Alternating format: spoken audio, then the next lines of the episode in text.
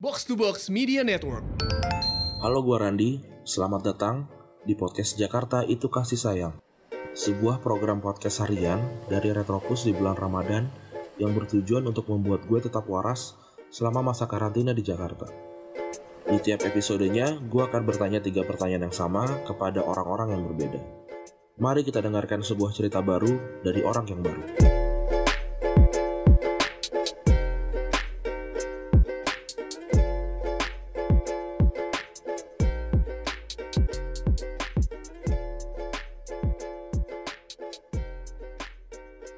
Jakarta itu kasih sayang episode ke-8 di hari ke-8 berpuasa. Kali ini seperti biasa gua akan ngobrol sama satu orang eh, yang berbeda lagi dengan cerita yang berbeda juga tapi dengan tiga pertanyaan yang selalu sama. Kali ini gua ada tiga hari beruntun nih berarti eh, ngobrol sama orang yang udah pernah gue temuin dan ini orang ini eh, pernah waktu bulan Februari tahun lalu itu ngirimin uh, martabak untuk Febri ulang tahun waktu waktu Gustika juga datang ke episodenya Retropus. Terus juga sempat mampir juga di Retropus. Sempat juga ngasih gua uh, FM tentu saja uh, mungkin teman-teman udah pada tahu juga orangnya siapa tapi seperti biasa gua akan membiarkan dia memperkenalkan dirinya sendiri. Oke silahkan memperkenalkan diri. Halo semua pendengar Retropus, nama gua Eko, gua biasa apa ya? Gua punya akun Twitter namanya Artu Boke, punya blog juga Artu Boke, blognya FM Nopas. Ya temannya main FM kalian lah. Oke, tapi kita kali ini nggak ngomongin FM sama sekali nih. Eh, tapi kita pengen ngomongin ternyata eh, Mas Eko ini punya cerita eh, yang menarik banget kalau menurut gue. Jadi dia itu sempat dianggap eh, pasien eh dianggap ter- terjangkit corona waktu awal-awal pandemi nih. Tapi eh, gimana ceritanya? Coba kita tanya kita tanya dulu ya. Gimana Mas Eko eh, pertama Hmm. kali lo kok bisa sampai ini ya sampai dianggap terjangkit corona nih? Jadi gua tuh kejadiannya mungkin awal bulan April ya. Jadi gua sempat masuk ke kantor, terus besoknya itu kok gua rasanya demam gitu. Suhu badan akhirnya mungkin 38 39 derajat. Ya mungkin awalnya ngerasa biasa ya. Kan nggak batuk juga jadi ngerasa demam gitu santai aja. Tapi udah sampai tiga hari berturut-turut demam gua nggak turun-turun 39 derajat sampai hampir mau di 40 gitu loh kan. Nah akhirnya di hari ketiga ini mungkin karena ketahuan teman-teman kantor juga gua nggak masuk tiga hari karena demam tinggi gitu kan akhirnya dipaksa teman-teman kantor. Itu kan karena lagi pandemi kan ceritanya jadi ya semuanya khawatir semua kan itu kalau ada covid. Sampai gua dipaksa ke RSPAD itu sebagai rumah sakit rujukan. Nah di ya gue sampai gara-gara itu ya, ya terpengaruh juga kan. Jadi malam-malam itu jam 11 malam gue ke IGD-nya RSPAD langsung ke bagian gawat darurat itu udah ngeri juga ya. Karena di IGD-nya RSPAD itu semua udah pakai hazmat semua itu. Perawat Dan udah penuh juga tempatnya apa gimana? lagi penuh. Jadi kalau lo masuk ke RSPAD itu lo akan kelihatan kayak ada satu ruang itu ada kayak kasur isi pasien-pasien semua ada Oke. tulisan dilarang masuk semua harus wajib pakai APD pokoknya film-film. Yang emang pandemi itu deh kalau gitu. Oke oke oke. Terus terus. terus gua diperiksa sebenarnya sih ini mungkin tips juga ya. Gua waktu itu karena nggak sesak cuma demam doang gua disuruh pulang. Mungkin share juga sama teman-teman kalau misalnya ya ada gejala apa pun ya jangan langsung ke rumah sakit rujukan.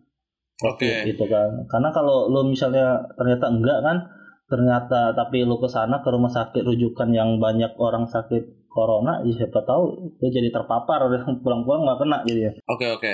Berarti lo eh, era karantina ini ya sendiri gitu ya, suah karantina gitu ya? enggak jadi besoknya gua ke rumah sakit yang fasilitas kantor Ah, untuk cek cek lab cek lab laboratorium hmm.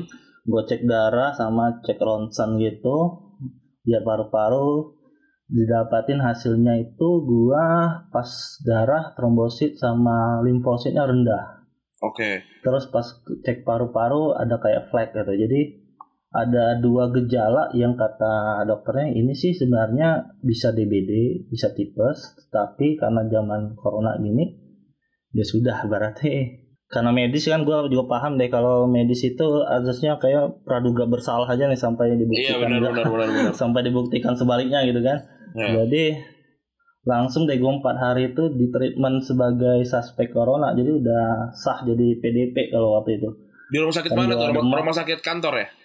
rumah Rujukan kantor? sakit di eh, rumah sakit Sudirman dia tuh kayak fasilitas kantor lah jadi kalau kita sakit segala macam langsung ke sana itu aja nah gitu gua empat hari di sana beneran dirawat kayak satu kamar tersendiri jadi terus perawatnya juga full pakai APD Heeh. gua dikasih kayak apa obat yang quicklorin sama azitromisin yang untuk benar-benar untuk perawatan COVID 4 hari. Hmm.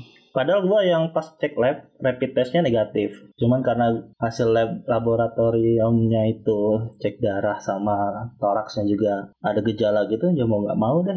Empat hari itu gue merasakan sebagai Akhirnya di hari keempat gimana tuh? Di hari keempat gimana? Jadi selama empat hari itu gua harus swab test kan, yang masukin ambil lendir di sampai tenggorokan itu. Hmm. Swab test dua kali, akhirnya negatif dua-duanya karena nggak harus sekali ternyata harus dua kali baru negatif. Akhirnya udah mengkerucut ke DBD. Oke. Akhirnya gimana tuh? Pindah. Nah, akhirnya setelah DBD ya udah pindah semua itu. Jadi pindah ke fasilitas biasa, jadi suster-susternya apa perawatnya itu nggak pakai APD lagi, udah normal deh sih. Agak lega juga itu.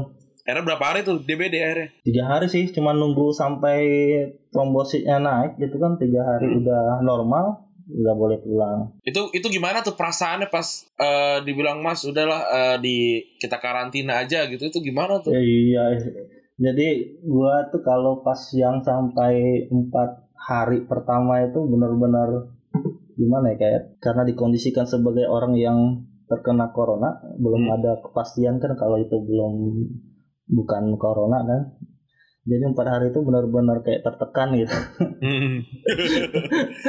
lu sampai apa kan sampai keluarga pasrah teman-teman sekantor heboh sampai mereka nanya nih yang ketemu lu siapa aja terus Oh sampai iya sih. sampai atasan langsung bilang semuanya kayak diumumi itu kan semuanya harus cek mandiri yang pernah ketemu Eko selama empat hari ke belakang silakan karantina mandiri sampai ada yang apa nyewa yang sama gua terus sampai ada dia nyewa hotel gitu kan karantina mandiri nggak pulang dulu ke rumah Waduh gila ya. ya karena eh, karena ya tes labnya kayak gitu ternyata empat hari selanjutnya nggak ada Tapi emang kantor itu nggak work from home berarti ya sampai awal April. sebenarnya work from home cuman ada beberapa hari yang karena mesti ada dokumen segala macam harus ke kantor ya mau mau ke kantor Oh, emang kantor bidang apa Mas? gua di bagian pertambangan batubara ada ada beberapa hal yang harus emang dikerjain di kantor Oh, Oke, oke kita masuk ke pertanyaan pertama ya. Yang pertama, pertanyaannya seperti biasa sama semua nih. Kita yang pertama adalah kalau cuma ada satu lagu tersisa di dunia, lagu apa itu dan kenapa lo pilih lagu itu? gua yang paling gua rasain mungkin yang awal bulannya yang paling sering gua putar emang bener-bener dari dulu gua pakai itu Bohemian Rhapsody nggak tahu itu rasanya emang mungkin banyak yang sepakat tuh kalau lagu sepanjang masa deh semuanya semua, generasi oke aja dengar dengarnya dan kayaknya cocok aja. Apalagi pas masa karantina kan sedih kan sebenarnya. Jadi lagi mencari apa lagu-lagu yang bikin semangat ya itu salah satunya itu. Lu kalau misalnya kar- lu lu kalau misalnya karantina mungkin orang tua lu kan biasanya orang tua sama mertua pasti nyaranin ya buka kalau yang muslim ya ya buka-buka murotal dengar murotal banyak Iya, yang iya, ngaji iya. banyaknya sholat ya gua malah dengerin musik-musik kayak gitu Nah, eh, ini kan lagu tuh emang istimewa ya. Ini lagu dibagi, dibagi banyak part gitu. Ada part rock, ada part eh, opera segala macam gitu. Nah ini dari semua bagian itu, dari semua liriknya mana yang paling lu suka dan kenapa? gue yang liriknya tuh yang ada bagian yang dia ke orang tuanya atau ke orang yang dikasihnya ya kan yang bagian didn't mean to make you cry. Oh iya, if aduh I'm not back ya. again this time tomorrow carry on carry on. As if nothing really matters. Ya itu agak ngena karena kayak ya udah karena gua kayak ya, Iya, pas iya. lagi lagi rendah rendahnya aduh ini ya udah deh kalau bisa ada apa-apa ya sudah lewatin aja kayak gak ada apa-apa.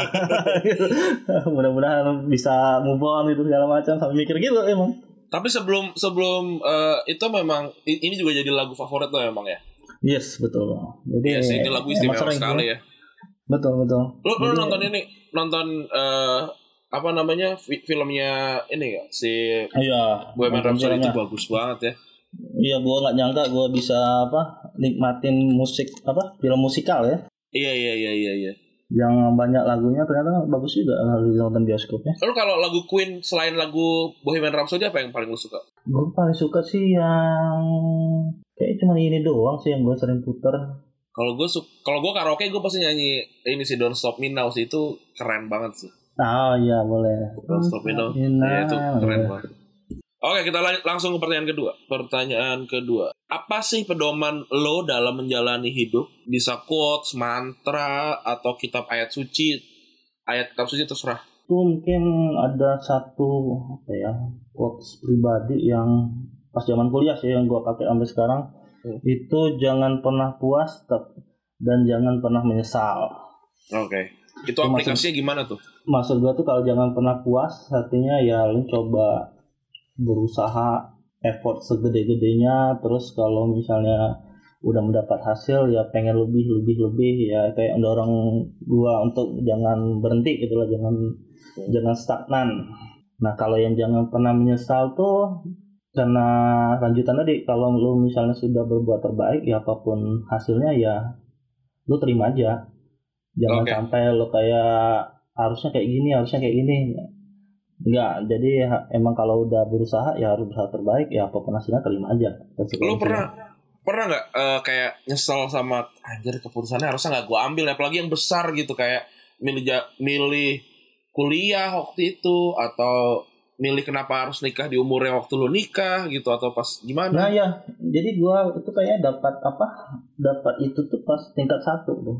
Hmm? Gua gua pas masuk kuliah tuh kan salah satunya tuh gua terima di STAN, Mm-mm.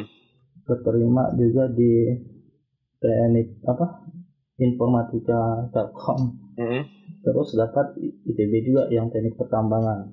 Oke. ya ya akhirnya gue milih teknik pertambangan walaupun ya sebenarnya mungkin anak SMA mana sih ada cita-cita jadi orang tambang gitu loh kalau Iya benar-benar. nggak ada background sama sekali keluarga juga nggak ada yang kerja di tambang gitu kan tapi karena udah milih situ ya walaupun agak shock awal-awalnya kan gue Hmm. awal-awal kayak tingkat pertama tuh IP gue di bawah dua ya dapat Sama gue juga. Gue juga.